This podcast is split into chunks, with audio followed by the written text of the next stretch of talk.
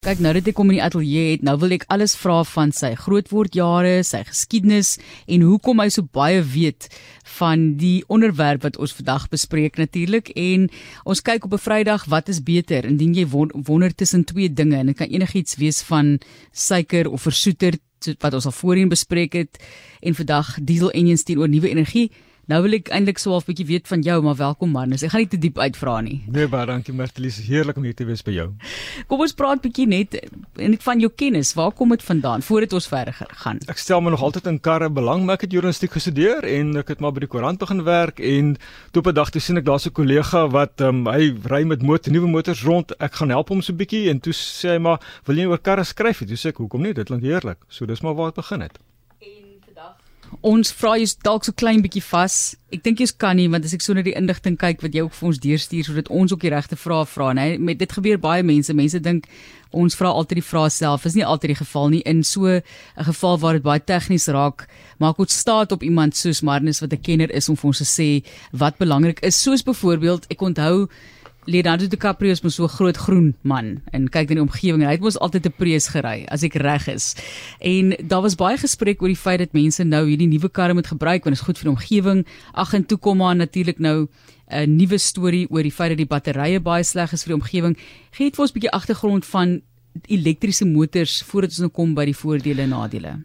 Dit is maar dit het begin ons het toe prees 'n paar jaar terug al hy was een van die voorlopers gewees. Die ding is die ehm um, die groot swaai of laat ons meer vandag meer EV's elektriese voertuie vandag het is omdat die wetgewing het ewe skielik verander. Die Europese Unie het net meer druk begin sit op die um, op die vervaardigers om te sê 2035 is 'n afsnypunt. Jy weet, dan mag jy net 'n batterymotor of 'n EV mag jy net verkoop in Europa.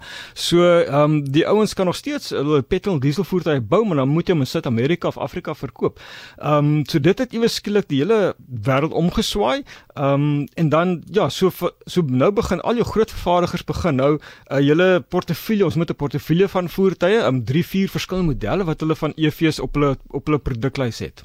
Kan ons net gou vinnig verder teruggaan na die jare in Kalifornië wat eintlik 'n groot eksperiment was vir elektriese voertuie. En dit is 'n baie groot jammerte dat dit nie verder gevoer is daai tyd nie. Dis vinnig gesmoor en ons kan nou allerlei politiek daarin bring oor jy weet die politici en watter agendas hulle gehad het in die bedryf met brandstof en al die dinge jy kan dit vir ons saamvat as jy wil maar dit dit daar was 'n groot rigting en beweging vir elektrisiteits Eh, bedryfte of gedrewe voertuie en toe iewes skielik toe toe word dit net gestop. Hulle is dit dit is waar, dit is um, ek weet van veral die Japaneese vaars Honda en Toyota met die Prius, jy die um, Honda Insight gehad, dis 'n um, ook 'n elektriese motor en daar's Honda het ook 'n klein um, uh, waterstof brandstof uh, brandstofselmotor gehad uh, wat hulle vir toetsgroepe gegee fokusgroepe in Kalifornië gegee het. Dit is vir 'n gesin 'n klein uh, karretjie en dan moet hulle vir 6 maande of 12 maande moet hulle met hierdie of met die batterymotor of met die waterstofmotor moes hulle rondry en dan het hulle weet uh, terugvoering gevra vir die mense, regte fokus groep. So dit was as ek reg onthou in die 89's het hulle baie op dit um, gefokus.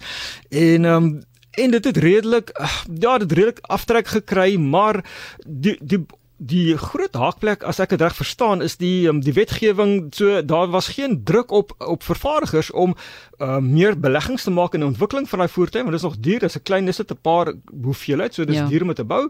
Ehm um, so dat so as jy nie druk het regtig nie dan weet jy gaan eerder 'n goedkoop produk wat jy teen 'n wins kan verkoop in 'n groot Kaliforniese mark. So dit het maar net so daar was geen druk op die vervaardigers om regtig voluit te gaan nie. Dis eers nou eers met die ehm um, sê van afgelope 5 8 jaar wat ek dink van van dieselgate omtrent af wat die wetgewers het begin in opgevang kan ons maar sê wat wat veral Kalifornië streng en dan die Europese Unie. Ehm um, wat hulle gesê het Ons gee vir jou afsny datum. Weet hierso is 'n datum wat jy en dan mag jy net X en Y verkoop en nie meer Z en A en B nie. Ehm um, en dit het die ouens nou gesê, reg, nou moet nou moet nou kan ek nie meer op die paadjie en ek moet 'n ander roete inslaan.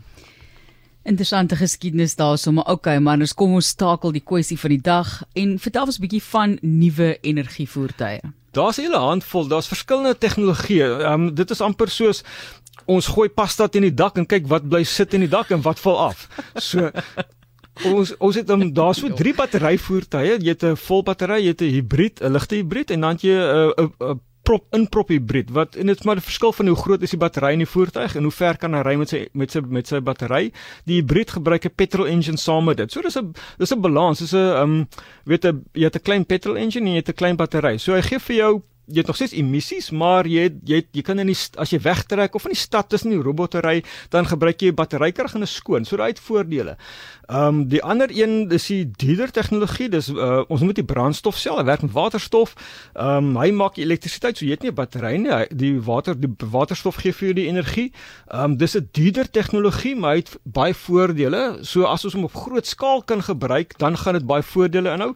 En laastens is daar 'n klein enetjie wat um, van die vervaardigers probeer in belê nou.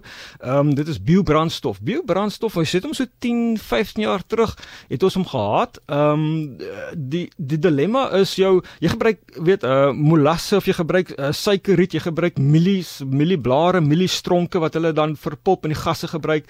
So jy maak um jy maak biobrandstof van dit. Dit is skoon brandstof, skoon emissies.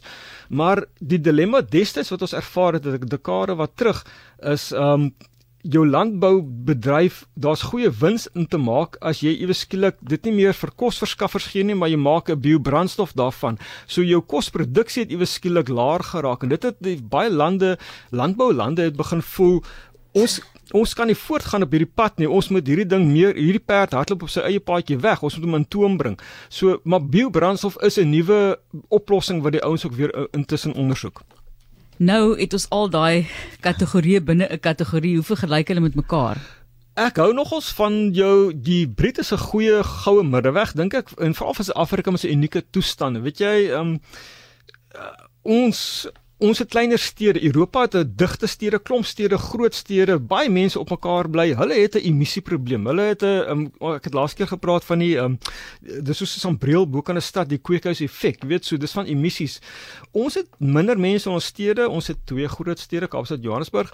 Um, ons het nie regtig so emissieprobleem nie. 'n Hibrid is vir ons 'n 'n goeie oplossing so ek sê. Weet jy wat jy kan in die middestad as jy tussen die verkeersligte wegtrek, stadig ry, dan gebruik jy jou batterykrag en as jy huis toe ry in die in die voorsteur wat buite die stad is, dan kan jy jou petrol engine gebruik vir dit.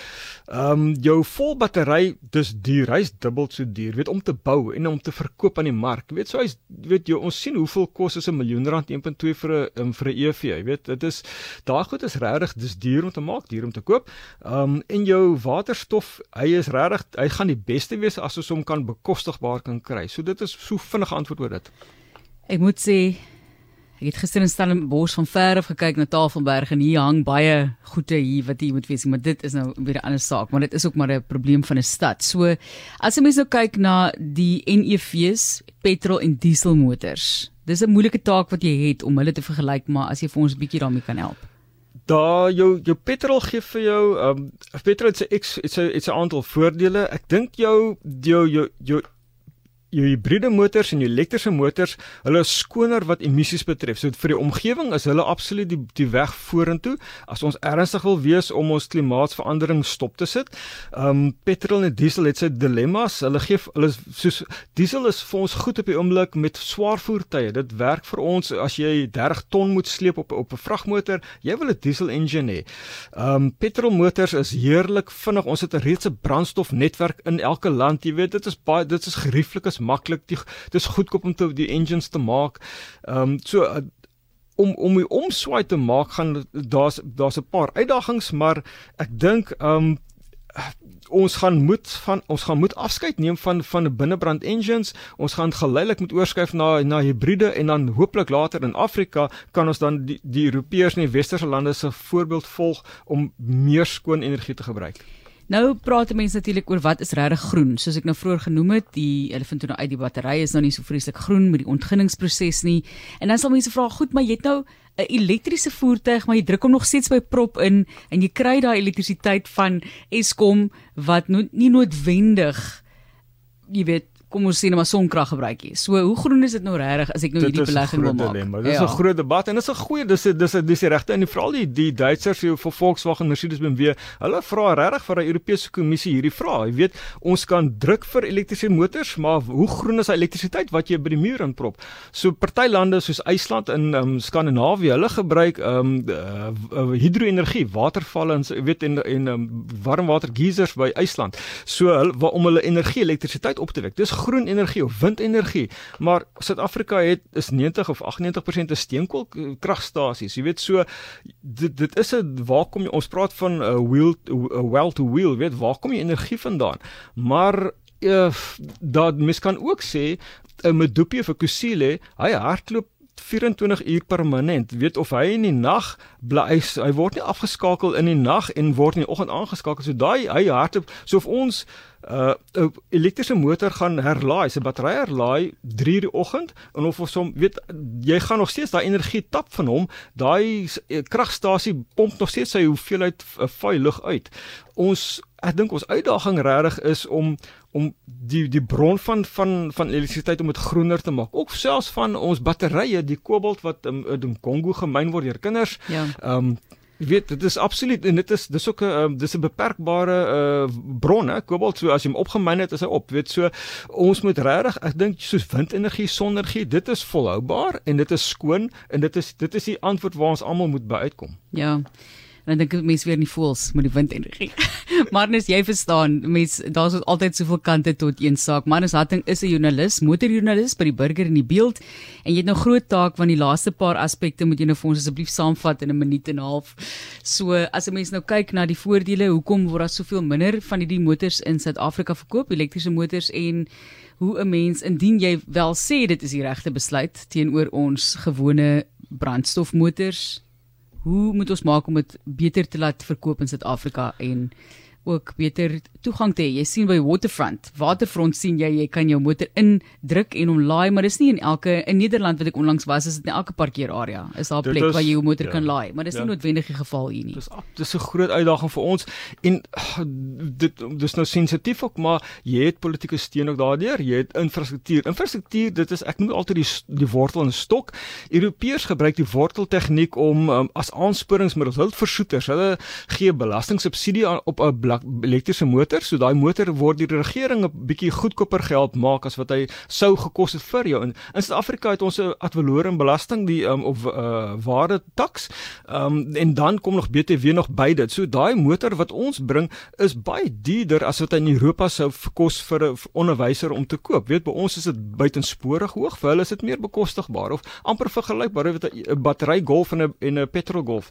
So dit ons moet ons gaan moet um, ons gaan moet kan kyk na subsidies van staatskant af. Ons gaan 'n netwerk van kragpunte moet kry. Jy weet, soos in Duitsland of in Frankryk, hulle het so 'n ultra city langs die langs die snelweg, elke 16 km dink ja, ek is daar 'n so naby mekaar. Dit's op mekaar en dit is so 16 kragpunte, jy weet waar jy so daar jy hoef nie eers stout te staan nie. Ons het jy praat van die waterfront of waar ook langs die pad, daar's twee kragpunte. Weet as daar 'n motor geparkeer staan, jy wag vir 3 ure net vir jou beurt as jy tweede is. Ja. So jy gaan jou infrastruktuur gaan ons moet groter maak ek sou sê weet jy ons moet eintlik wegbeweeg van of ons moet die Suid-Afrikaners kan omhaal en hulle kan sê gekoop 'n kleiner koop 'n 'n luikerig motor as 'n EV, 'n Golf grootte of 'n Yaris grootte, kry so 'n EV vir ons mark wat jy as pendelmotor kan gebruik. So jy gebruik net kantoor toe en terug kinders aflaai by die skool, winkels toe. So jou jy het nie ryk afstand angs nie. Ja. Ehm um, en hy's vinnig om te herlaai, hy's goedkoop om om te koop. Uh en jy kan en as jy wil hard en bos toe wil gaan, dan het jy nog steeds 'n petrolmotor, 'n diesel of hybrid. So wat moet ek kies? Ek sal sê op jou die druk. Van, vandag is vandag diesel hibrid môre en dan okay. ja. Ja. O, en dit is moeilik. Okay. Vandag diesel hibrid môre. Ja. Okay. Marnus, jammer dat ek jou so 'n blik druk. Nou ek hoop jy is nou 'n bietjie meer dankbaar ook vir die vir die intelligensie van joernaliste. Dis dis op 'n ander vlak, regtig. So dankbaar vir julle vir ons joernaliste ook by die SABC. Manus Hatting is 'n motorjoernalis by die Burger in die Beeld en ons gaan vir hom